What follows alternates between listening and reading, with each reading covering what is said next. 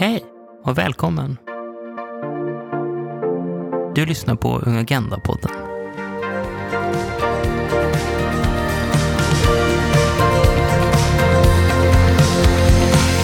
Hej allihopa! Välkommen till Unga Agenda-podden. Nu kör vi igång igen. Det är höst och alla reppar är tillbaka från sommaruppehållet.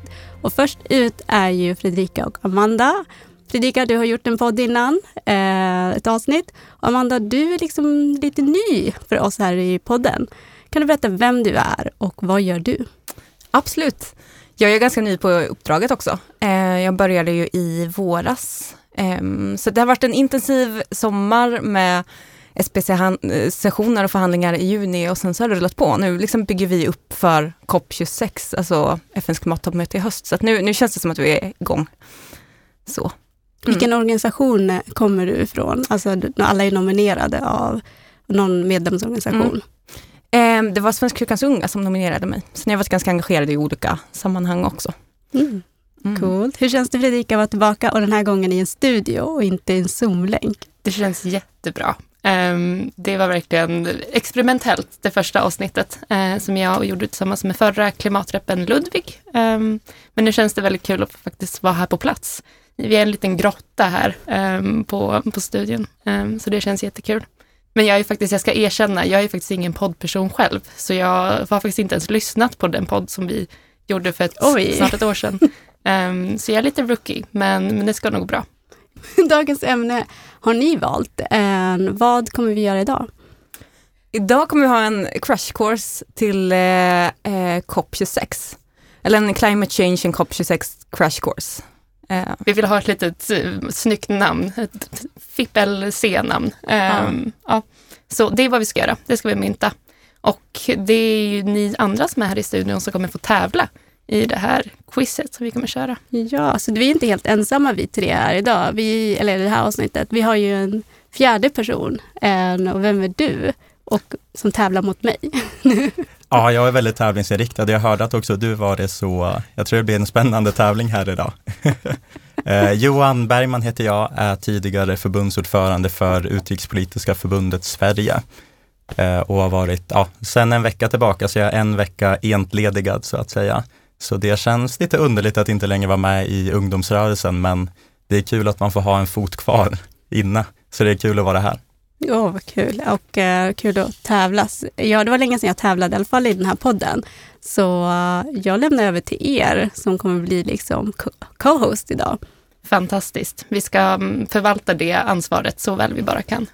Och tanken är att vi ska leda er liksom igenom det här. Vad är egentligen FNs klimatförhandlingar? Vad handlar det om? Hur ser eh, världsläget ut idag? Hur ser forskningsläget sånt? Så att vi ska ha en liten crash course så att vi kan gå ut härifrån idag och känna att okej, okay, har nog lite mer koll på läget. Så tanken till dig som lyssnar att även om du inte alls kan någonting om klimat, inte vet vad 17 är COP26 som de har börjat prata om, så stanna kvar. Um, förhoppningen är att du kommer lära dig lite mer under, under de här minuterna. Precis. Och eh, för att göra det lite roligare, jag älskar musik. Fredrika gillar också musik. Så att vi kommer göra det lite i form av ett musikquiz. Eh, som Melodikrysset fast med klimat, så klimatkrysset kan vi också kalla det. Eh, barn har många namn. Vilket innebär att ni kommer få höra eh, några sekunder av en låt. Och då får ni gissa vilken låt det här är, vilken titel. Och det är på något sätt klimatrelaterade låtar i texten eller sånt, så det kan vara bra att tänka på. Och sen så får ni helt enkelt en fråga efter det också, så pratar vi vidare lite och ser vad vi kan lära oss av det. Okej, okay, jag är lite spänd här. Skitnervös, jag vill så vinna, men jag känner det här är mitt akilles här. Men jag är här för att lära mig. Så ja. Det blir superbra. Vi tänker ju det att klimatet är väl ett sånt tema som är lite tungt. Man pratar om jordens undergång eller mänsklighetens undergång. Så kan det vara skönt att liksom lätta upp det lite med ett quiz um, av något slag. Så det blir nog superbra. Precis. Men jag tänker att vi kör med första låten. Okej. Okay. Zainab, Nelly is getting hot in here. Wow, oh my god. Inte en chans. 90-00-talet är my game. Det här var det snabbaste jag varit med om. De är bättre än vad vi, vi skulle ha svåra låtar. Ja, vi underskattade er. En Absolut. av dem i alla fall. Ja. Men det blir ju varmt på många sätt. Planeten värms ju faktiskt upp och det går allt eh, snabbare. Och att de här klimatförändringarna och den globala uppvärmningen pågår har nog inte undgått någon. Ehm, och att det också är vårt användande av kol och olja och våra utsläpp som faktiskt har lett till den här uppvärmningen som nu ligger på drygt en grad. Vi har alltså värmt upp den här planeten 1,1 grad ungefär. Men frågan är att om vi fortsätter att leva som vi gör, hur många graders uppvärmning tror ni då att vi har år 2100? Johan. Ni kommer få tre um, Okej, vad bra. Ja, okej. Tack, tack. Um, det hade varit jättekul också bara för att höra era fria associationer. Men svarsalternativen eh, som vi har är Då har vi 1, 2 grader, kryss 3 grader eller 2, 4 grader. Johan. 2, 4 gissar jag på. Johan säger 2-4 och Seinab säger Fan. Ja, vilket år sa du? 2100. Alltså nästa Hund- sekelskifte. Ja, okej. Mm. Vi är redan värmt upp. Ja, jag säger, jag säger bara X bara för att jag inte vill säga samma sak. Alltså tre Ja, grader. exakt. bara av den anledningen. Ja, det var väldigt klokt. Ehm, det är faktiskt så att vi eh, enligt eh, Climate Action Tracker, alltså den forskarorganisationen, så kommer vi ligga på tre graders uppvärmning om 80 år. Så att det är ett poäng till Seinab och eh, Ja, en ganska Ibland- Jag hade dålig lite för poäng mycket för planeten. självförtroende. jag bara gick så här, jag vill inte säga samma sak. Men till, till Johans försvar så kan man säga att de här prognoserna för framtiden är alltid väldigt osäkra. Mm. Ehm, så det här spannet som de ger, och genom ungefär 2,9 grader, men det går ända upp till 3,9. Så man kan också, vi kan fortfarande vara rädda för, för 4 graders uppvärmning, som du gissade Johan. Får man en halv poäng då? Ja, jag tycker du får lite tröstpoäng. Tack. Ja. Och om nu vår planet, eh, världen som vi lever i, värms upp till tre grader så blir det ju en väldigt annan eh, värld att leva i och det ser vi ju redan idag när vi har en, varm, en graders uppvärmning. Och jag vet inte om ni har tänkt på det, men för mig har det i alla fall varit väldigt tydligt den här sommaren och egentligen hela det här året. Att vi ser att klimatet förändras och att vi ser att det händer överallt, på alla kontinenter. Och det går också att länka till den rapporten som IPCC, alltså FNs klimatpanel, kom ut med en rapport för några veckor sedan i slutet på sommaren. Och det är i princip första gången som vi faktiskt kan visa att de här extremvädereventen, alltså de här regnen och torkan och stormarna, de är faktiskt kopplade till våra utsläpp, alltså vi som människor. Och innan så har man inte kunnat göra den kopplingen riktigt.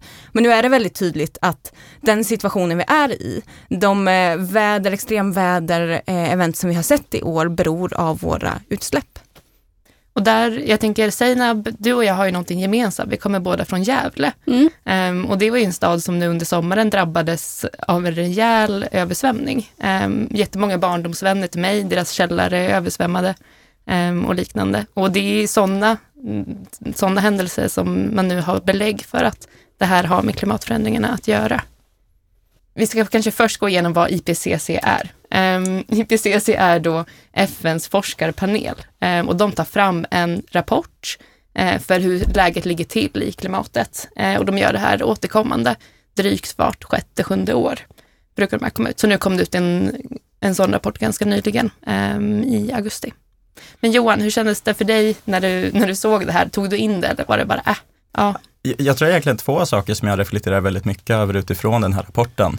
Eh, delvis var det ju verkligen hur gravallvarligt det är, som verkligen kom på papper. Alltså man har ju sett artiklar, man har sett forskare som gått ut, man har sett uppror och liknande, eller upprop och liknande bland forskare att nu måste vi göra någonting. Men nu fick man någonstans en mer ja, men objektiv inom citattecken eh, utlåtande på det. Det är det ena, men sen är väl min andra reflektion hur snabbt det försvann ifrån nyhetscykeln. Eh, det var någonting så pass viktigt, men sen så hände Afghanistan och sen försvann det. Så jag är väl lite ledsen över att inte det har levt kvar längre och det är därför otroligt viktigt att sådana som, ja men ni som, som gör den här podden nu, eh, ändå lyfter den här rapporten och lyfter resultaten ifrån den. Så det är väl en, jag vet inte, en positiv och en negativ aspekt som jag har reflekterat över. Ja, det är lite samma sak här. Alltså när du frågade liksom, vad har ni tänkt på? Då var jag så här, gud det var så länge sedan. Men det var inte så länge sedan. Ehm, och eh, det är exakt som Johan säger, allt annat, liksom nyhetsflödet bara tar över och så glömmer man bort det. Men så tror jag också att det är mänskligt att känna så mycket ångest och oro över någonting man inte kan styra över, vilket miljön oftast är. Eh, att man inte liksom, oj, här ska, det är inte bara lilla jag eller liksom min lilla familj som ska lösa det här, utan det är så många andra som är involverade. Liksom. Och det är där jag tycker att det är viktigt liksom, att man tänker på samarbete och försöker göra det lilla man kan göra och att liksom informera om och komma ihåg. Alltså, upprepa den här rapporten igen är verkligen väg framåt. Precis, vi behöver ju samverka för att kunna lösa klimatet. Vi är beroende av varandra. Och det är det som vi ska prata om idag, hur länder samverkar för klimatet. Men jag tänker att ni ska få ge er på nästa låt. Få se om det är lika lätt den här gången. Oj, Säg Johan. Otroligt jämnt. Otroligt dåligt att man inte tog den snabbare tror jag. Ja, jag vet. Det tog en liten stund. Uh, Jag tror Zeynab var först. Jag tror det också. Okej. eh, jag hörde någonting om staten och det är punkigt, så jag tänker Ebba av Grön. Ja, och vilken låt då? Är det staten och kapitalet? Nej? Det är jag faktiskt inte rätt. Nu Okej, får då gå får frågan över jag till Johan. dig. Ja. 800 grader. Eh, Men toppen, ändå rätt artist och rätt låt till varsin, varsin Mm. medspelare. Jag tänker vi kan gå på något no quiz tillsammans, något musikquiz, för då tar vi liksom hälften var. Exakt, det vi är borde vara ett perfekt. team i det. Okej, Ja. vi ska ju vara team här och inte mot varandra. Exakt, samverka. Exakt. Fantastiskt fint. Eh, Men precis, eh, vi behöver samverka för klimatet och behöver göra någonting åt den här globala uppvärmningen som vi är i. Och det här har ju världens ledare vetat väldigt länge, eh, sedan 90-talet, sedan Hot in Here släpptes, eh, har de vetat om att klimatförändringarna pågår och de har också förhandlat om klimatet. Det är faktiskt längre tid än mitt liv, än många av våra liv har världsledarna vetat om det här och det är lite, lite tråkigt eh, att tänka på det ibland. Eh, men det de gör eh, sen 90-talet, det världsledarna har gjort, det är att de mötas varje år på någonting som kallas för COP. Och COP, det står för Conference of the Parties, parternas konferens. Vilka parter då? Jo, det handlar om parterna till FNs klimatkonvention, som är liksom ett sånt ja, avtal som man tog fram på 90-talet och sa vi ska samarbeta för klimatet. Och sen dess, i och med att ledarna möts en gång varje år, så får varje sån här COP-möte ett nummer eh, och nästa år är det COP 26, alltså den 26 partskonferensen för klimatet. Och den här hålls i Glasgow i Skottland. Och under de här åren så har världsledarna tagit fram olika underavtal som de har arbetat inom. Förut fanns det något som kallades Kyotoprotokollet, som egentligen lever kvar men som fasas ut mer och mer. Och numera så samarbetar de och pratar inom Parisavtalet. Och det ska vi prata mer om alldeles, alldeles snart. Och inom det avtalet så är målet eh, att sänka utsläppen och hålla dem under, ja vad då? Vad är målet i Parisavtalet? Vilket temperaturmål är det? Är det, ni får tre alternativ även denna gång. Är det 1, 1,5 grader, kryss, 2 grader eller 2, 2,5 grader? Åh. Johan. Johan kör. Eh, 1,5. Ja, Så 1 jag, jag gissar också på ett, för jag har hört den där siffran 1,5 många gånger. Snyggt. Eh, jag kan säga att det var en liten trickfråga, eh, så det fanns faktiskt två rätta svar. Ehm, men ni gjorde, you did good, båda två. För överenskommelsen i Parisavtalet, den lyder hålla uppvärmningen under två grader med sikte på 1,5 mm. grader. Mm. Mm. Okay. Men den här skillnaden mellan 1,5 och två grader är stor. Och för ungdomsrörelsen, som vi alla här ju är en del av, ehm, så är just 1,5 gradersmålet väldigt, väldigt viktigt. Ehm, två grader räcker inte, utan det är 1,5 som, som gäller. Men vad är då skillnaden mellan, mellan 2 grader och, och 1,5? Vad tänker du, Amanda? Varför är det så viktigt att hålla under 1,5? Jag tänker att det är en otrolig skillnad om man ser på hur eh, människor drabbas, hur våra ekosystem drabbas. Eh, Om vi tittar på eh, havsnivåhöjningen och förlusten av biologisk mångfald och så. Eh, Och det är faktiskt så att skillnaden med den här mellan 1,5 och 2 grader, alltså den halva gradens skillnad, eh, det är faktiskt en skillnad i att dubbelt så många arter riskerar att dö, dö ut. Ehm, Um, och eh, det är väldigt stor skillnad i havsnivåhöjningen också, som redan nu börjar vi märka att det är väldigt många, väldigt många öar och eh, eh, områden som är hotade. Men det stora problemet är kanske också eh, tipping pointsen, att vi börjar närma oss de här. Och en tipping point är liksom när vi har kommit över den gränsen av utsläpp, då, då kommer vi inte tillbaka och då liksom förlöser det en, en våg av uppvärmning eller nya utsläpp. Ehm, som till exempel att i Sibirien så ligger en massa metangas eh, lagrad i permafrosten. Men när vi värmer upp planeten så värms ju också permafrosten upp. Och kommer vi då till den gränsen att, att den här metangasen frigörs på något sätt, då kommer den accelerera uppvärmningen på ett sätt som eh, vi inte riktigt har räknat med. Och då eh, börjar vi ju närma oss de här 3-4 graderna ganska snabbt. Jag har bara en fråga. Det här med tipping point, är det 1,5 eller är det 2 grader som är tipping point? Det är det här som är lite läskigt, för forskarna vet inte var den här tipping pointen, just Sibiriens tundra, Eh, den vet man inte var den ligger. Och de flesta tipping points vet vi inte alls, utan vi kan uppskatta att okay, men man borde kunna värma planeten kanske till två grader innan Amazonas blir till savann. Ehm, men man är inte säker. Så inom, ehm, inom miljörörelsen pratar man ofta om försiktighetsprincipen. Det är bättre att vi tar i underkant, att vi inte värmer upp så pass mycket för att undvika att vi kommer på någon sån här tipping point där vi som mänsklighet förlorar kontrollen och jorden själv börjar värma upp. Ehm, men det man pratar om mycket, att vid 1,5 så är det ändå den säkrare nivån. Så där undviker man många av de här tipping pointsen. Men frågan är ju då vad, vad krävs för att vi ska hålla oss till 1,5 grad som vi ju vill enligt eh, Parisavtalet.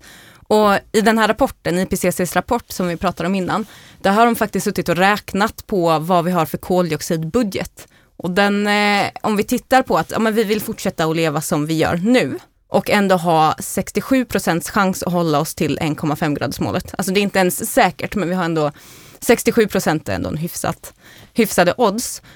Och om vi ska fortsätta det, ehm, då har vi ungefär 400 miljarder ton koldioxid kvar att släppa ut. Och det tar oss ungefär 7 till 8 år att göra det. Vilket innebär att innan 2030 så kan vi ha gjort slut på vår koldioxidbudget om vi vill hålla oss till de här 1,5 graderna. Och då blir det väldigt tydligt så här, jag, jag tycker det är bra visuellt liksom att se att okej okay, men 7-8 år om vi lever som vi gör nu. Men det är klart att vi kan ställa om och vi kan ändra på vårt sätt att leva. Så att det här är ju på något sätt bara en markör också för att visa vilket nödläge vi är i.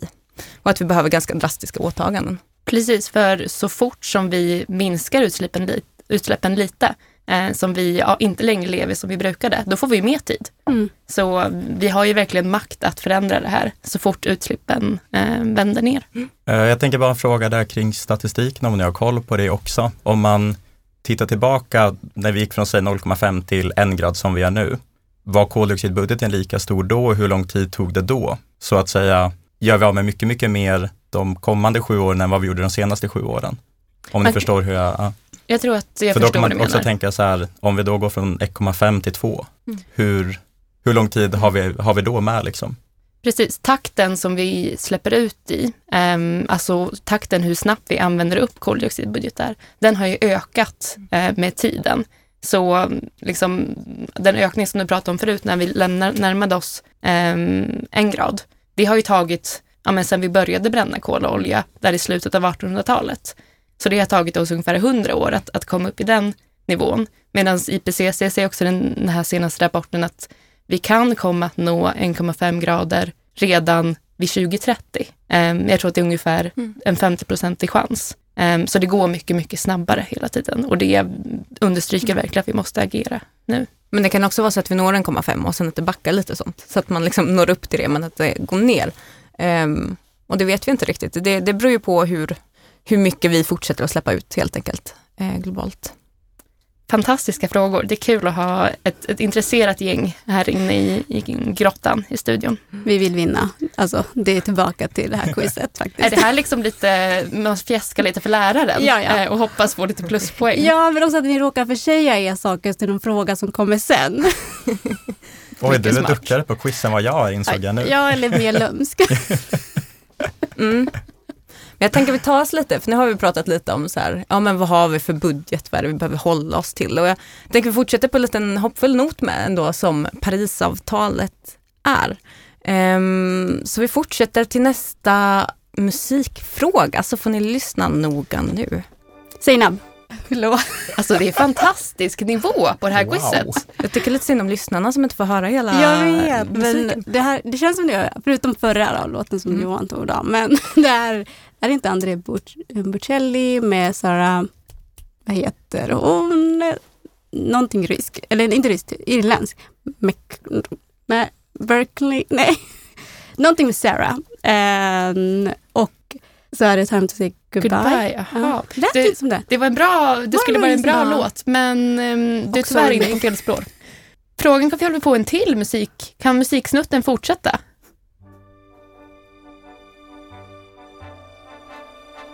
Zainab. N- eh, Det är Edith Piaf men j- no regret rien. I don't regret anything. Mm. Andra Absolut. gången gillt. Fantastiskt. Jag hade Och- inte en chans där, så det var bra att du körde på så behövde inte det bli mer pinsamt för mig. Ja men det var så här sentimentala låtar. Eh, Ja det är lite min, min genre. Mm. Och när man lyssnar på den, det, man befinner sig ju typ i Paris, lyssnar på Edith Piaf, hör det här. Ehm, och då är vi ju i Paris, apropå Paris så har vi ju då Parisavtalet. Ehm, och det kallas ju Parisavtalet just för att det skrevs i Paris, precis som Kyotoavtalet, protokollet heter, är uppkallat efter Kyoto. Men frågan är när det skrevs, Parisavtalet. Och då får ni faktiskt tre alternativ här också. Så det är antingen ett 1994, kryss 2009 eller två 2015. Johan. Viska fram. Johan. Så man får lite mer tid att tänka liksom. Eh, 2015 tror jag att det var, om jag inte missminner mig helt. Mm. Zainab? Jag vill bara skryta lite. Som ni vet, jag har för mig att eh, skrev inte Kyotoprotokollet 99 eller något sånt. Och eh, om Parisavtalet efter, jag tror också 2015. Det stämmer. Fantastiskt. Jag ville bara skryta. Bra klimatskryta med sin kunskap. Och det är ju faktiskt ganska viktigt det här. Ja men Parisavtalet skrevs 2015 och det är en poäng med att det var, det skulle varit fem år sedan eh, COP26 var, men nu blev ju COP26 uppskjutet förra året för, eh, på grund av pandemin. Och vi pratar ju väldigt mycket om Parisavtalet i år. Eh, I alla liksom så här klimatkretsar och debatter. Eh, och frågan är egentligen var, varför pratar vi om Parisavtalet? Och det positiva med Parisavtalet är ju att alla länder bidrar. Att alla länder bidrar till att minska utsläppen utifrån sina förutsättningar. Och tidigare så var det mest de rika länderna som skulle minska sina utsläpp, men, men nu gör vi det gemensamt, liksom, att alla länder ska lämna in planer på hur mycket de ska minska sina utsläpp. Och det ska vi göra vart femte år. Och de minskningsplanerna ska bli mer ambitiösa, ännu mer skarpare liksom, för att vi ska minska utsläppen. Um, ehm, och det görs genom att länderna lämnar in ett eh, dokument helt enkelt. Och det dokumentet skulle lämnats in eh, förra året, men det gör vi i år istället. Och det är därför COP26 också är ett en väldigt viktig COP, just för att det sätts på papper hur mycket länderna egentligen planerar att minska sina utsläpp. Men frågan är vad heter de här klimatplanerna som alla länder ska lämna in? Och det finns en förkortning för det, så nu ska vi se hur bra ni är på förkortningar.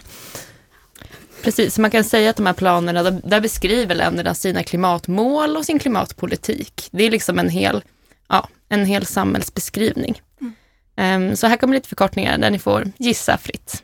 Ehm, så antingen ett NDC, eller så är det NYC, eller så är det NCP. Är det NDC, NYC, NCP? Det är en otroligt svår fråga, så jag är imponerad ifall de får den rätt. Johan. Ja. Jag tror att det är NCP. Är inte typ National Climate Plan eller något sånt? Jag vet inte. En vild gissning. Mycket bra, Seinab. Håller du med? Vill du? Alltså jag försöker bara tänka ut vad de här bokstäverna ska stå för. Att man bara, det, det är det då för declaration, typ. Eh, vad är det för deklaration? Ja men jag säger ett. NDC. Mm. Mm. Det gjorde du rätt i. Ehm, det var faktiskt en NDC. Men jag gillar Johans svar. Det tycker Ja, jag känns som en väldigt det är så logisk väldigt, förklaring. Väldigt, väldigt logiskt. Alltså jag gillar att jag bara randomly gissar och ändå, men för ditt var perfekt. Det är, man kanske ska byta förkortningen till just det Johan sa. Men den är ganska logisk förkortningen egentligen. Ja. Ehm, Ja, men man kan också säga att det finns en anledning att det inte heter NCP, alltså Jaha. National Climate Plan. Nu heter det Nationally Determined Contribution. Ehm, och ett contribution, det är bara ett bidrag. Eh, så det är lite politiska formuleringar i det här också. Man har valt att ja, men mitt land kan ge ett bidrag till att, att ehm, klara klimatet, men det kanske inte är hela planen för hur vi ska klara klimatomställningen. Men är Ehm, inte det ganska låg ambitionsnivå? alltså jag tänker med en sån allvarlig liksom, situation så känns det väldigt lågt att säga du ska bara bidra, men då bidrar jag med en liten blomma typ. Eller liksom, jag tycker att det ska vara en plan, låter Mm. ju mer uppriktigt och så här att man är där för att liksom bidra på riktigt helt Mm. enkelt. Ni får jättegärna göra en skrivelse över mitt, mitt förslag till revidering. Ja, jag tycker också det. Så jag hoppas ni tar upp det. Jag kommer följa förhandlingarna nä- nära och noga. Det här kommer att vara vår främsta fråga på COP. Jättebra. kommer stå där på barrikaden och säga NCP. Ja. Men faktum är ju att ambitionshöjningar är ju en fråga som den svenska ungdomsrörelsen och svenska ungdomsorganisationer driver väldigt hårt. Civilsamhället i stort. Liksom. Så att det- är ju en fråga som det trycks på. Verkligen. Um, och det är det som gör just COP26 så, uh, så viktigt. Uh, för i och med, som Amanda sa, att det har gått fem år sedan Paris uh, och det är nya NDCer, då, nationella klimatplaner, som ska lämnas in, um, så är det nu liksom ett stort momentum kring det här COPet. Det finns en möjlighet för civilsamhället att sätta press på sina politiker, säga vi vill ha bättre klimatpolitik och länder tävlar också med varandra med att vara liksom bäst, eh, bäst i klassen på något vis. Men de här planerna, de förhandlas ju faktiskt inte på själva COP. Det är inte någonting som sker på mötet, utan de här planerna ska lämnas in inför. Um, ja, och då det får ni också tänka på det här att det är inte COP i sig heller som avgör om vi klarar klimatkrisen, um, utan det som är bra med COP är att det är liksom en deadline. Okej, eh, alla måste lämna in sina nya planer inför det, det skapar ett momentum. Men eh, det är faktiskt det nationella, regionala, lokala klimatarbetet som, som gör, avgör ifall vi kommer kunna ställa om eller inte. Men hur går det då Fredrika? Eh, hur ser det ut med de här planerna som är inlämnade redan nu? För att det ska de ju ha varit. Det är tråkigt att vara klimatreppen som aldrig har några bra nyheter att ge, Ehm, men det går inte allt för bra ehm, om man ska vara ärlig. Många länder har inte lämnat in sina planer än, trots att första deadlinen var egentligen förra året och sen har man liksom skjutit fram deadlinen. Det är som en, en klass som är lite dålig på att lämna in läxor och lärarna sa, okej men vi ger er lite längre tidsfrist. Um, men um, ja, det är många länder kvar eh, som ska lämna in helt enkelt. Men det som är ännu tråkigare är kanske att de länder som har lämnat in har kanske inte så ambitiösa planer som skulle behövas. I februari så gjorde Eh, sekretariatet eh, i FNs klimatkonvention, ja men eh, deras kontor typ, de gjorde en sammanställning av alla de NDCer, de klimatplaner som hade lämnats in. Och de kom då fram till att det bara motsvarade en procent av den politik som vi behöver fram till 2030 för att minska utsläppen. Så det är liksom inte jättekul sådär. Ehm, och där kan man ju säga att både Sverige och EU som har lämnat in sina NDC har ändå varit duktiga. Um, eller, ja, vi har en gemensam NDC inom EU. Så där behöver vi lägga på politikerna och lägga på liksom varandra och hjälpas åt i det här. Och framförallt kanske inte jämföra oss med andra länder och vad de släpper ut utan jämföra oss med det vetenskapliga läget och det vi vet att vi behöver göra. Att eh, det är det vi får tävla emot istället för våra grannländer.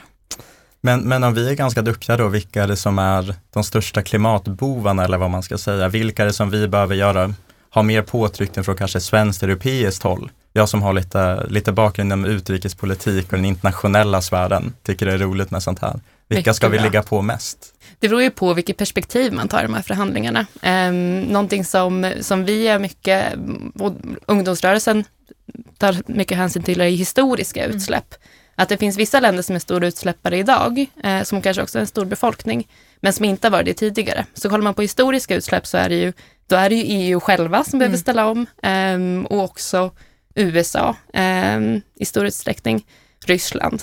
Ehm, men sen har vi också många andra länder som är up and coming, som börjar bli stora utsläppare, där vi har Kina, Indien, Indonesien, Brasilien. Men där finns ju också perspektivet att mm, ha, de ska ha ett utvecklingsutrymme. Ehm, där, där de också ska få tillåta släppa ut i en, en större, längre tid än vad vi som har släppt ut massa tidigare för att kunna utvecklas får göra. Och det svåra i den frågan tycker jag är att de som drabbas nu först och de som drabbas mest av klimatförändringarna, det är ju de som har släppt ut minst. Så att för mig är det också en ganska så här tydlig, om man bara snabbt vill fundera på vilka är det som drabbas och vilka är det som släpper ut mest, eh, så syns det väldigt tydligt idag i hur klimatförändringarna faktiskt slår. Men vi har ju jättemycket att göra att, att påverka andra länder. Um, som du säger, att kroka arm och se vilka lösningar har vi uh, och hur kan vi hjälpa varandra. Så den här NDC då, som alla länder ska lämna in, um, Sverige har faktiskt ingen egen sån, utan vi lämnar in en NDC, en klimatplan gemensamt med hela EU. Um, ehm, och där har vi EUs mål som är satt till minst 55 eh, procents minskning av koldioxidutsläpp till 2030. Så det är den NDC som, som Sverige lämnar in eh, och vi påverkar den genom EU. Mm. För inom, inom Parisavtalet och inom eh, UNFCCC som det kallas, FNs klimatkonvention, eh, så förhandlar Sverige som en part tillsammans med EU. Det är liksom EU som för Sveriges talan i de allra flesta sammanhang. Men det kan vara en sån som, sak som är bra att hålla koll på bara. Okej hörni, vi är halvvägs igenom vårt quiz. Ehm, ställningen är ganska jämn kan jag säga. Men jag tänker vi tar nästa låt.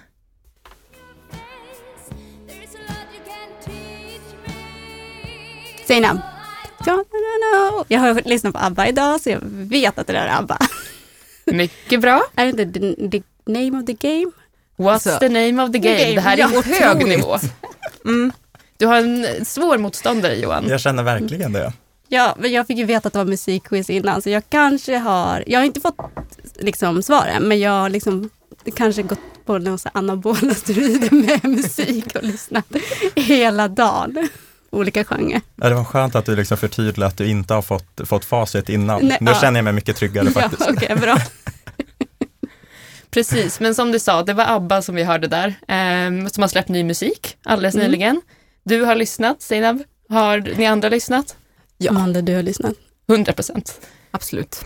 Jag, har tänker man nästan måste hört. lyssna. Ja. Det, är lite, det är lite av ett krav. Om du bor innanför liksom Sveriges gränser så, så måste du lyssna på de två låtarna som har släppts. Så kan Jag man tänker så här att det finns två saker. Man, man måste lyssna på nya ABBA-låtarna och man måste också läsa IPCCs rapport. Okej. Det är, Det är mina jättebra. Här. det är Mm. liksom rekommendationen från podden idag.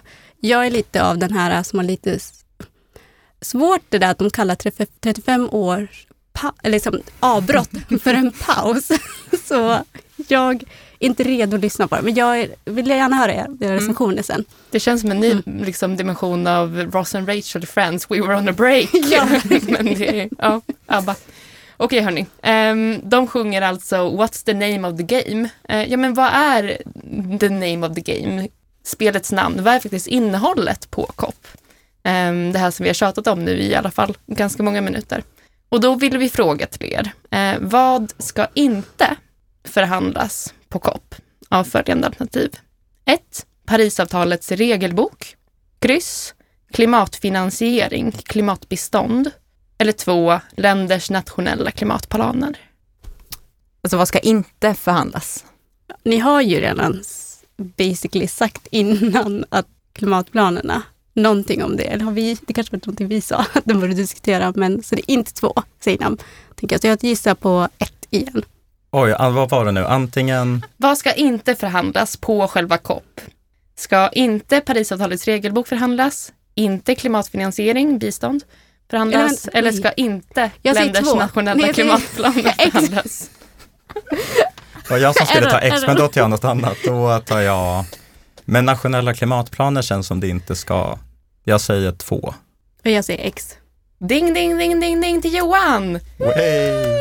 Repetition är kunskapens moder hörni. Eh, som vi pratade om för en stund sedan. Klimatplanerna lämnas in inför COP och förhandlas inte på COP. Mm. Ehm, men där fick vi lite repetition på det. Men gör man en review, alltså det vill säga att man tittar på det och så kanske ni dissar vissa länder och ungdoms, liksom, civilsamhälle ser de här, det där var bara... Precis, det ligger liksom till Mm. grund för allting och det är det som har skapat lite relationerna inför ehm, och så. Däremot Så är de ju redan beslutade så. Och det tänker jag är tur att inte de ska besluta sig under koppen för att då skulle det ta fruktansvärt lång tid. För det är en massa andra saker som ska hinnas med under de här två korta, korta veckorna. Men, men av intresse, för nu när vi går in på själva förhandlingarna eller liknande på COP, hur mycket, hur mycket inkludering har varit i den nationella planen? Vilka är det som har uttalat sig i våran NDC, eller NCP, som jag hellre vill att den ska heta? Ja. vår egna version. Um, man kan säga att um, den är uppbyggd av politik. Ehm, um, EUs är ganska kort och ganska liten. Den liksom säger basically att vi har det här målet, vi ska minska med 55 procent våra utsläpp. Och det målet har ju kommit, det är kommissionen som lade fram ett förslag som sen alla EUs medlemsländer har förhandlat om och där EU-parlamentet, som i sig är ju liksom demokratiskt valda, har fått tycka till och förhandla. Men det har faktiskt inte varit någon direkt dialog med, med unga eller med civilsamhället i den här NDCn. Och det är någonting som, som vi och också stora andra delar av, av civilsamhället i klimatförhandlingarna driver. Um, att hur ska vi få, få säga vårt Mm. när vi tar fram de här klimatplanerna? Mycket bra fråga. Men vi tänker att vi ska dra igenom några av de här frågorna som faktiskt ska förhandlas. Bara så att man, ja, okej, men vad är det då som man ska prata om? Och det kanske kommer ett litet sjok nu med mycket info, men jag tror att ni klarar det. Och kan ni de här eh, liksom, områdena nu, då, då kan ni mycket av vad koppen eh, kommer handla om. Då kommer ni hänga med i höst. Precis. Så det första frågealternativet var ju Parisavtalets regelbok. Ja, för vi har Parisavtalet sedan fem år tillbaka, men vi är faktiskt inte klara med den. Vi är inte klara med hur det kommer funka. Och tre frågor stå, återstår att lösa. Det är transparens, handel med utsläppsrätter och gemensamma tidsramar för klimatåtaganden. Och det här kan ju låta som, liksom, va, vad sa hon nu? Så we slow it down. Um, transparensfrågor handlar egentligen om hur länder ska redovisa sina, både sina utsläpp, de de har, men också hur de minskar sina utsläpp. Och det behövs ju för att vi ska vara säkra på att vi faktiskt minskar utsläppen. Om någon säger, ja men vi har byggt så här många solpaneler eh, och då minskas våra utsläpp med 50 procent. Hur ska vi kunna lita på att det är sant? Eh, därför är det viktigt med ett, ja, ett robust transparensramverk. Sen nästa, handel med utsläppsrätter, kallas inom klimatförhandlingarna för artikel 6 eller ja, marknadsmekanismer. Olika liksom, obskyra sådana namn. Men det handlar om hur länder kan handla med en utsläppsminskning som sker i ett land som ett annat land vill tillgodoräkna sig av. Typ om Sverige skulle nå våra mål men ändå fånga in ännu mer koldioxid, kanske vi planterar väldigt många träd eller låter träd stå kvar. Och då säljer vi den här liksom, extra eh, minskningen, kanske till Vietnam som känner men vi behöver lite hjälp med det här. Så där är det ju viktigt att det inte sker någon dubbelräkning så att både Sverige och Vietnam eh, redovisar att vi, vi har minskat våra, våra utsläpp. Eh, för det finns ju faktiskt bara liksom en atmosfär som vi minskar våra utsläpp ifrån. Och den tredje delen av den här regelboken kallas för gemensamma tidsramar. Eh, och det handlar om hur ofta ett land måste, måste redovisa och rapportera om resultatet av deras nationella klimatpolitik. Att det är antingen var tionde år eller vart femte år. Och vi i ungdomsrörelsen vill att länder ska behöva uppfölja Mm. så ofta som möjligt. Ehm, så vi är väldigt mycket för femåriga tidsramar. Det var regelboken. Men det finns massa frågor. Så det kommer några till här. Stay tuned. Precis, och det kan ju verka som att det bara handlar om massa så här, eh, byråkratiska detaljer och hur ska vi komma överens om vad vi ska komma överens om i princip. Men det finns ju några saker som är lite mer konkreta, tycker jag i alla fall, också tydliga. Um, och till exempel klimatfinansiering är ju en sån fråga. Hur, eh, Fredrika pratar om det här historiska eh, skulden innan och det historiska ansvaret.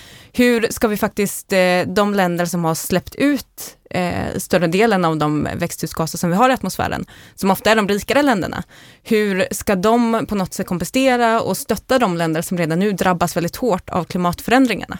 Ehm, och de länderna som ofta är fattigare länder. Och där gav faktiskt de här givarländerna, eller de så här rikare länderna, gav ett eh, löfte 2009 om att man varje år skulle ge 100 miljarder dollar ehm, till de här länderna som redan nu behöver jobba med att återuppbygga eller att stärka motståndskraften mot extremväder och så. Och det målet har vi inte nått upp till. Så det är också en sån där viktig fråga som civilsamhället och som vi trycker på med också, så här, att ja, men det målet ska vi nå upp till. Vi har sagt att vi ska bidra med det här, men vi har inte gjort det. Och det är en sån väldigt konkret sak. Och inte nog med det så ska nu på COP ska det förhandlas om nästa mål som kan behöva vara Mm. ännu högre, troligtvis mer än 100 miljarder för att behoven för både omställning men också anpassning till klimatförändringarna, det bara, det bara ökar. Och just anpassningen är ju också en sån här jätteviktig sak och som vi märker tydligt nu att vi måste jobba mer med anpassning, men också det som kallas för loss and damage, alltså skador och förluster.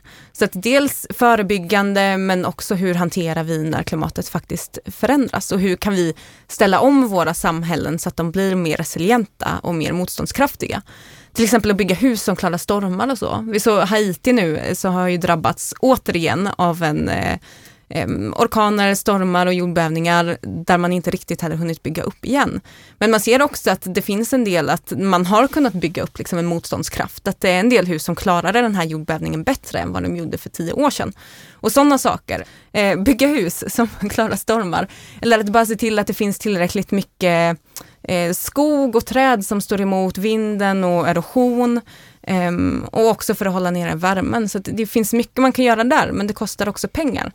Ehm, därför blir den frågan också väldigt mycket kopplad till klimatfinansiering.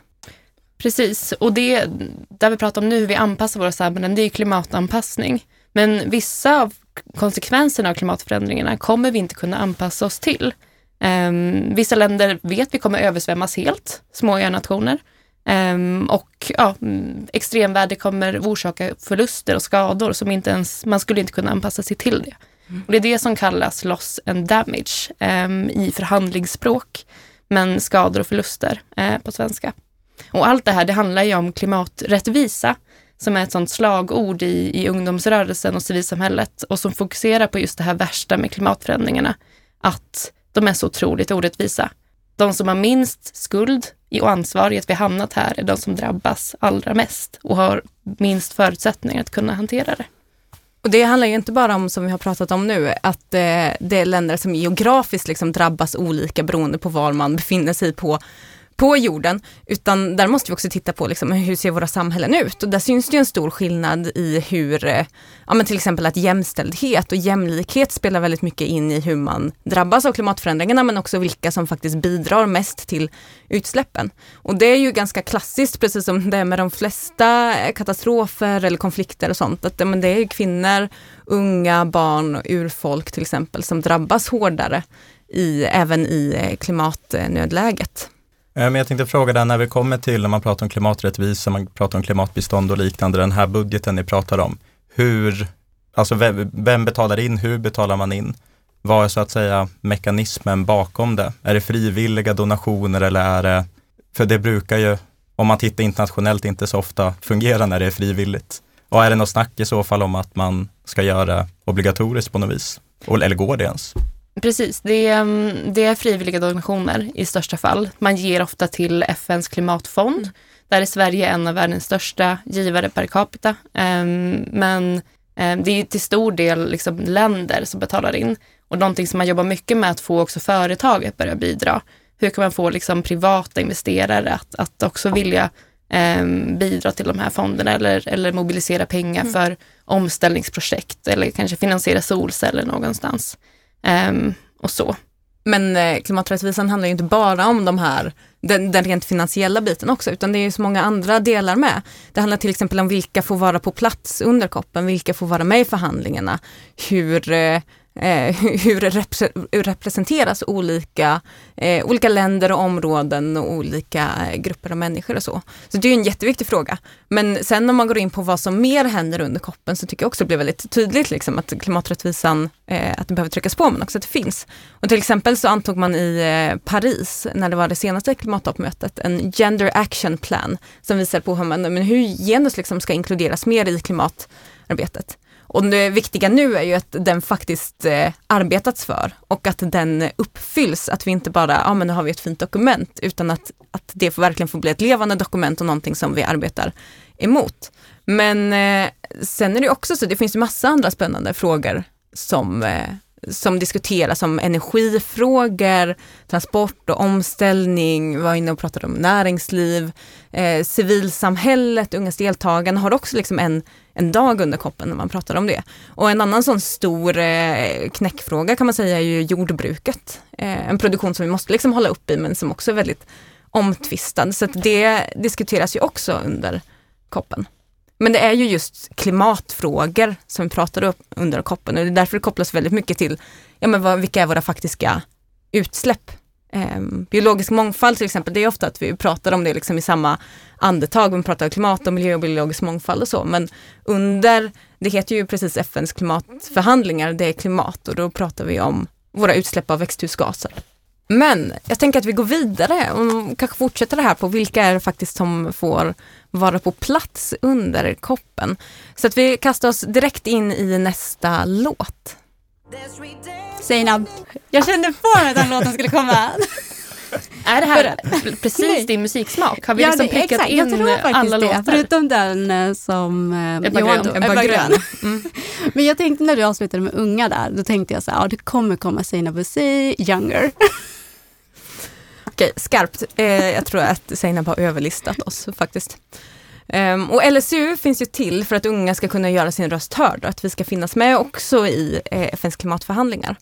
Och unga finns ju på plats eh, under COP26, under alla FNs klimatförhandlingar. Och det är faktiskt så att vi har en egen observatörsgrupp eh, liksom, som unga är med i. Men frågan är vad heter den här eh, gruppen av unga? Och då får ni tre alternativ igen. Um, då har vi ett, Fridays for Future, kryss Young Go eller två Young Lean. X. Det måste vara X. Alltså, Ja, det ja, ska jag vara- håller med dig i det här också. Ja, Fridays for Future känns lite för nytt. Och så tänker jag Young Lean. Det hade varit jättekul. I och för sig, men jag vet inte. De hade Ja. haft en rolig frontman ja, om inte verkligen. annat. Liksom. Ja. Ni har ju jätterätt båda två. Det heter Young Go. Um, och det är ju ungas observatörsgrupp. Och skillnaden kanske mot Fridays for Future finns ju ofta på plats um, utanför förhandlingarna, liksom, att man trycker på och sånt. Men Young Go finns inne i förhandlingarna mer organiserat sätt, liksom, som en observatörsgrupp. Och sen så är det ju lite flytande, det är ju många som är med i typ Fridays for Future eller som är med på andra sätt som finns på plats eh, via Yango. Go. Ehm, eller som har kontakt med dem. Och det är ju där som liksom unga på ett väldigt tydligt sätt kan göra sin röst hörd. Och, men man kommer liksom inte riktigt ända in i alla förhandlingar. Det finns massa nivåer av vem som får gå in i vilka rum och vilken färg på pass man har och vilken zon man får vara inne i och så. Och ha observatörsstatus är jättebra, då får man komma in i många förhandlingsrum. Men något som är ännu bättre och där vi borde ha unga inne i de faktiska förhandlingarna och då behöver man vara en del av ländernas delegationer. Och i Sverige så funkar det ju så. Där sitter jag och Fredrika med i delegationen och då kommer vi in. Vi har ett sånt där rosa pass heter det, då kommer man in typ överallt. Men så är det ju inte i alla länder och det är ju också en fråga som vi verkligen måste trycka på.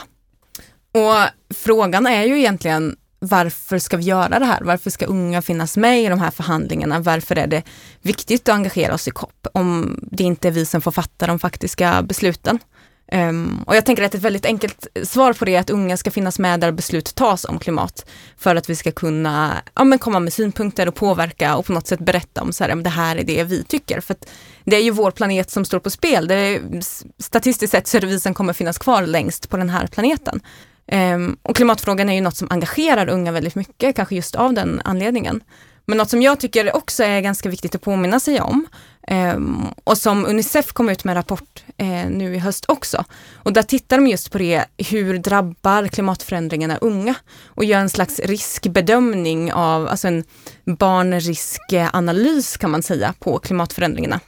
Och där tittar de på till exempel att ja, men barn och unga är mer känsliga för extremväder. Alltså att vi rent fysiologiskt, fysiskt sett, så har liksom inte samma förutsättningar, samma motståndskraft. Men också att man är ganska känslig mot sjukdomar som kan börja spridas allt mer eh, med klimatförändringarna och psykologiska aspekter också. Vi är ju mycket beroende, barn och unga, av andra människor också.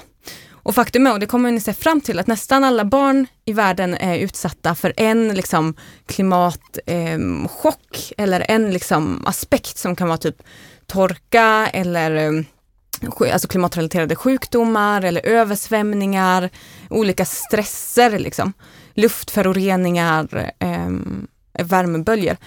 Och det är i princip alla barn är utsatta för en sån faktor. Och en faktor kanske man kan klara av att hantera. Men en tredjedel av alla barn på planeten eh, lever och exponeras liksom dagligen för fyra eller fler sådana här faktorer. Eh, och har du fyra sådana här enorma stressfaktorer, då är det väldigt svårt. Eh, så därför tänker jag också att därför måste unga finnas med. Liksom. Vi är en ganska känslig grupp och vi är de som ska finnas kvar. Då måste vi också finnas i beslutsfattningen. Och det är också det Unicef kommer fram till i rapporten, att barn och unga måste finnas med i alla rum. För att det är en rättvisefråga, mycket. Precis. Ja, jag tror att alla vi som sitter här håller med och jag Mm. tror att många av er som lyssnar känner nog samma sak. Men om man tänker så här, ja, eller hur? Men hur då? Hur kan man som ung engagera sig? Hur kan vi unga faktiskt få vara med? Amanda, vad tänker du om det? Jag tänker att det finns jättemånga sätt. Dels, ja men Django finns som en observatörsgrupp. LSU är ju också en jätteviktig del av det här hur vi kan påverka nationellt och vara med och i internationella nätverk och så och ha en jättetydlig röst. Och där har vi till exempel ungdomsrådet för klimatet eh, som har funnits i eh, ungefär ett år också. Det är också en sån jättebra möjlighet att visa vad man tycker. Men överhuvudtaget att vi som civilsamhälle och att vi som unga visar att ja, men det här är en jätteviktig fråga för oss. Vi kommer inte liksom kompromissa med det här. Jag tänker framförallt det här med framtidsaspekten av arbetet med klimat. Jag är ju också att man öppnar upp för unga, men jag tänker också på det du har erfarenhet av Johan, alltså med säkerhetspolitik. Där diskuterar man inte i form, den formen av eh, säkerhetsfråga, att släppa in unga, för hur unga påverkas av den säkerhetspolitiken, det är krig eller sånt, det lyfts inte alls. Nej. Eller det finns inte de möjligheterna i säkerhetsförhandlingar, eller hur? Nej, nej men precis. Och det är ju, ja, nu vet jag inte hur mycket som klimatet lyfts in i unga fred och säkerhetsagendan, men jag menar det är ganska etablerat sedan sen många år tillbaka nu att ungdomars deltagande i liksom såväl fredsprocesser som i andra typer av förlikningsprocesser är otroligt viktigt för att kunna få till en bra process som liksom accepteras av hela samhället som det ska implementeras i. Så jag tänker att det är exakt samma principer som råder även in, inom klimatet som det är inom en konflikt, för det är ju klimatet kan påverka nästan mer än en konflikt och Mm. Mm. klimatet kan leda till en konflikt. För jag menar, där har vi ju, nu det finns väldigt många faktorer såklart bakom konflikten i Syrien, men en av dem som jag har läst är att det var en, en torka Mm. och skörden slog fel och det liksom var en bakgrundsliggande faktor till det. Så det allt hänger ihop Mm. och då måste alla parter vara vid bordet. Så och det är egentligen bara att gå tillbaka till barnkonventionen, att säga, men barn och unga ska finnas med där beslut tas som rör oss och vår framtid. Ehm, men jag tänker att det leder ju också till en annan väldigt viktig fråga, att barn och unga har inte alltid samma praktiska möjlighet att finnas med, och speciellt inte när de här FNs klimatförhandlingar och konferenser som är eh, snurrar runt i olika länder. Det är ganska svårt, det är väldigt svårt att få boende, det är svårt att resa dit. Nu behöver man dessutom vara vaccinerad också, alltså det är väldigt praktiskt svårt. Och där behöver eh, vi vara, trycka på ännu mer tror jag, att fler unga ska få plats och fler unga ifrån alla länder och alla regioner. Verkligen. hur, hur kan man trycka på för det då? Alltså de praktiska, liksom, hur, hur kan man göra som delegation, då, säg från Sverige eller delegation från EU? Hur kan man samla kraft för att även de länder där unga i det lokala civilsamhället inte är lika eh, involverade kan vara det på, inom COP? Jag tänker att det handlar om flera saker. Dels handlar det om att föregå med gott exempel och liksom driva på det att vi ska ha ungdomsdelegater i alla länders delegationer. Eh, vi vill ha nationella ungdomsråd, att man får vara med i det nationella beslutsfattandet. Men det finns också lösningar i form av fonder och liknande, att så här kan unga som inte har de ekonomiska medlen att, att göra de här, för att vara med på de här mötena, här kan de vända sig. Um, så, så många sådana exempel uh, skulle jag säga att det utgörs av. Och sen är det också jätteviktigt, tänker jag, att men i all typ av representation, att vi också tittar på, okej, eh, och bara säga att vi måste ha med unga, det är jätte, jättebra, men vi behöver också titta på vilka unga är det som får vara på plats. Liksom. Eh, vilka är det som drabbas, vilka är det som kan göra sin röst hörd, vilka förutsättningar har man att göra sin röst hörd. Eh, så att det gäller också att inte bara nöja sig med att så här, okej, bra, vi har med unga i länders delegationer till exempel, utan att titta också mer liksom, på samhällen och länder, vilka, vilka är det som har möjlighet vilka kan åka iväg liksom, på de här mötena. Mm. Men det är mycket eh, med COP som kan kännas lite tufft tycker jag. Att det är väldigt stora utmaningar vi står framför oss eh, och väldigt stora beslut som behöver göras. Vi vet väldigt tydligt men det är så mycket eh, ja, men där beslutsfattarna måste komma överens. Och det är inte alltid jättelätt. Inte jättelätt att hålla hoppet uppe jämt. Men vi går vidare i vår tävling lite på det temat ehm, och tar vår sista låt. Zainab. Jag vet fan inte om det är, men jag gissar på Lale. Jag bara känner igen rösten. Jag Mycket bra. Ehm, och vad skulle det kunna vara för namn på den här låten? Jag vet inte. Um, Jag vill försöka komplettera dig nu, men ja, jag, jag, vet, kommer jag ingen vart. på Johan och bara, kom igen. vi tävlar inte mot varandra. Vi jobbar tillsammans här. Hur går den? Jag är bara... Vi kanske kan få en snutt till av låten.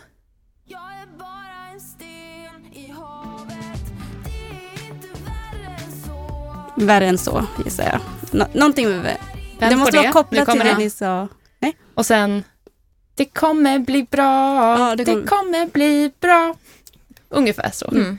Låten heter Det kommer bli bra Ehm, och vi, ja, det kommer det bli.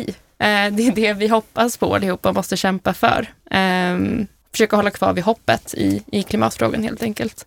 Hur känner ni Seinab och Johan? Känner ni hopp för att vi kommer klara klimatkrisen eller känner ni helt nedtyngda, kanske också särskilt efter all tung fakta nu idag?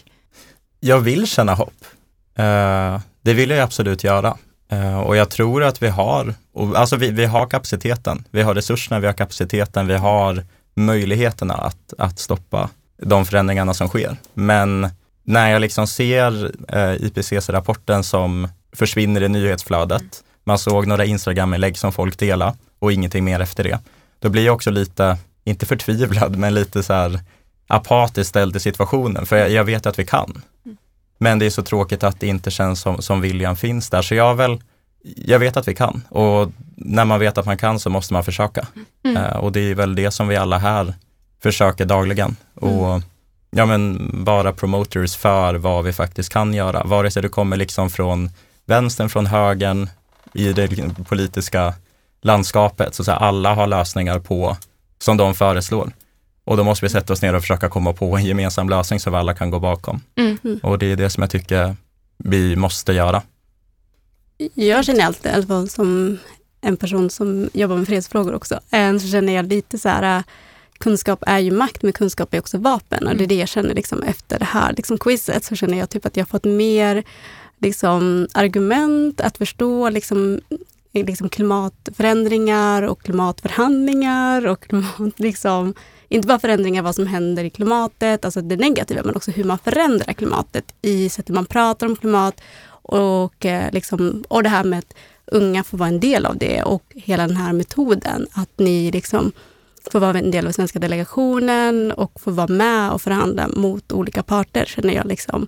Det ger mig hopp, dels för ungdomsinflytande, men också för själva liksom att jag tycker att det är fler som vet om det. Även om den här rapporten bara försvann i nyhetsflödet, så märker jag att personer som inte diskuterar klimat eh, eller kände så här, ångest eh, för 10-15 år sedan, som jag kommer ihåg, eh, så märker man att ännu mer fler, alltså över 30, börjar känna mm. åh det här med klimatet, vi måste tänka på det här och vi måste inte göra det här typ, för klimatets skull.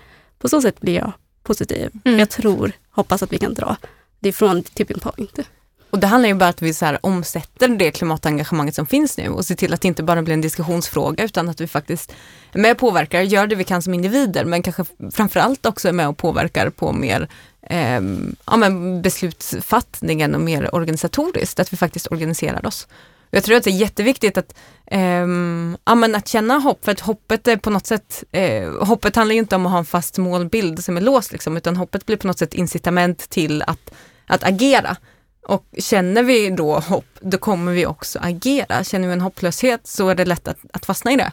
Så jag tror att det är jätteviktigt, alltså rent eh, bara att känna att, att det finns hopp. Och jag tror ju också absolut att det finns hopp. Och speciellt när man hör som att näringslivet börjar prata om en klimatvinst till exempel. Att man tjänar pengar på att vara mer klimatanpassade och mer klimatvänliga. Det ger ju också hopp för att eh, det brukar ju vara tenderat så att kan man tjäna pengar på någonting så kommer det också växa. Liksom. Ehm. Precis, och det relaterar lite till vår sista fråga. Ehm, för omställning, ja, men det är en stor omställning som vi har framför oss och det kräver mycket vilja Eh, och kanske inte minst ekonomisk vilja, som Amanda är inne på. Men vad tror ni då att det kostar att hålla oss till Parisavtalet? Några forskare har räknat på hur mycket det skulle kosta att ställa om vår energianvändning. Och så jämför de det med hur mycket pengar som har lagts på en annan kris, nämligen coronakrisen. Så det vi undrar är, skulle det kosta ett, mindre än pandemin, kryss, lika mycket som vi har lagt på pandemin, eller två, mer än det vi, den summa vi har lagt in i pandemin, att eh, lösa klimatkrisen? I Sverige eller globalt? Globalt. Jag tror mindre än pandemin. Jag tror mer än pandemin. Här har vi en optimist och en pessimist. Det är ju fantastiskt. Representation, hörni. Um, faktum är att det här forskarlaget, enligt deras uträkning, så skulle det kosta halva priset av den summa som världens länder pumpat in i att lösa coronakrisen, um, att ställa om vår energiförsörjning um, och ja, lösa en stor del av klimatkrisen. Och det här är siffror som kommer från oktober 2020 och sedan dess har vi också pumpat in ganska mycket mer i, i att lösa covid-19.